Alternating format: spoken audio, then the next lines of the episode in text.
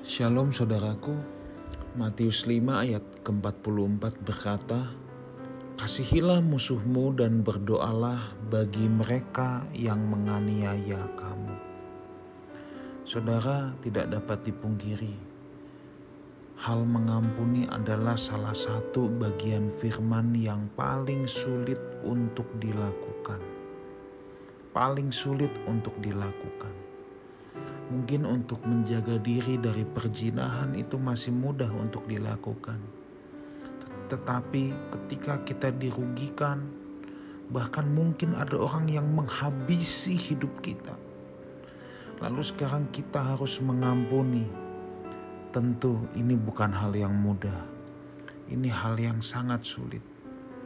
Dunia ini mengajar kita membalas perbuatan jahat yang dilakukan orang lain terhadap kita Dunia ini mengajarkan kalau orang menyakiti dan melukai kita patut dibalas setimpal. Mungkin bukan dengan tangan kita, tapi dengan tangan orang lain atau dengan cara apa pun yang jelas dunia ini mengajarkan pembalasan yang setimpal. Kalau bisa pembalasan itu bahkan lebih kejam daripada perbuatannya. Mereka kita anggap sebagai musuh, tetapi untuk orang percaya, Tuhan Yesus memberikan sebuah paradoks. Musuh bukan hanya dimaafkan, tapi dikasihi, bahkan didoakan. Doanya dalam hal ini juga bukan doa yang jelek-jelek, saudaraku. Bukan doa supaya orang yang merugikan kita, menyakiti kita, kena celaka, tetapi justru didoakan supaya mereka juga boleh berjumpa dengan Tuhan. Pelajaran tentang hal ini terdapat dalam rangkaian khotbah di bukit. Khotbah di bukit adalah sebuah manifesto, sebuah etika kerajaan Allah, sebuah manifesto etika kerajaan Allah. Bagaimana anggota keluarga kerajaan Allah harus bersikap, harus beretika dalam hidup ini dituangkan oleh Tuhan Yesus dalam khotbah di bukit. Itulah sebabnya kita harus serius mau belajar dan mengenakan akan hal ini. Saudara, kita bisa belajar dari Daud tentang hal ini. Kita lihat bagaimana reaksi Daud ketika mendapat kabar bahwa Saul telah mati terbunuh. Alkitab tidak berkata maka Daud pesta tiga hari tiga malam, tetapi justru yang terjadi adalah ia mengoyakkan pakaiannya dan semua orang yang bersama-sama dengan dia juga begitu. Kok bisa ya orang yang sudah begitu jahat ketika mati Daud ikut bersedih, ikut berkabung dengan tulus.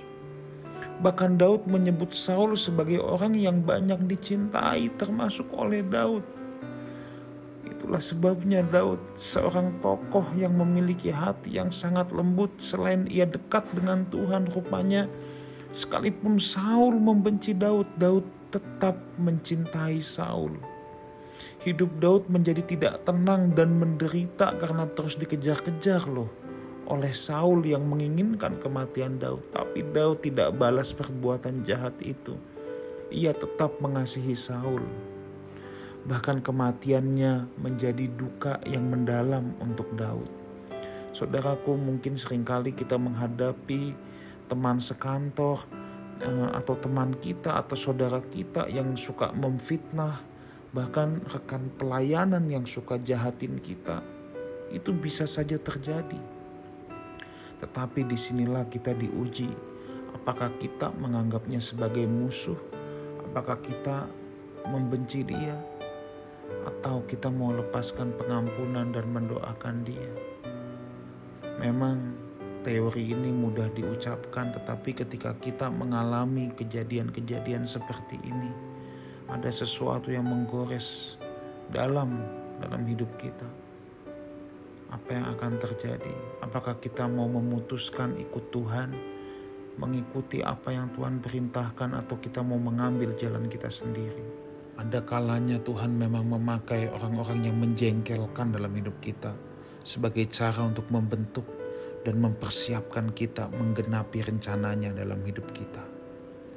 Allah turut bekerja dalam segala sesuatu untuk mendatangkan kebaikan bagi orang yang mengasihi Dia. Asalkan kita mengasihi Dia, sekalipun lewat banyak kejadian yang tidak enak pun, Tuhan turut bekerja di dalamnya. Selamat mengampuni, selamat mengasihi, dan doakan orang-orang yang merugikan, menyakiti hidup kita. Tuhan memberkati.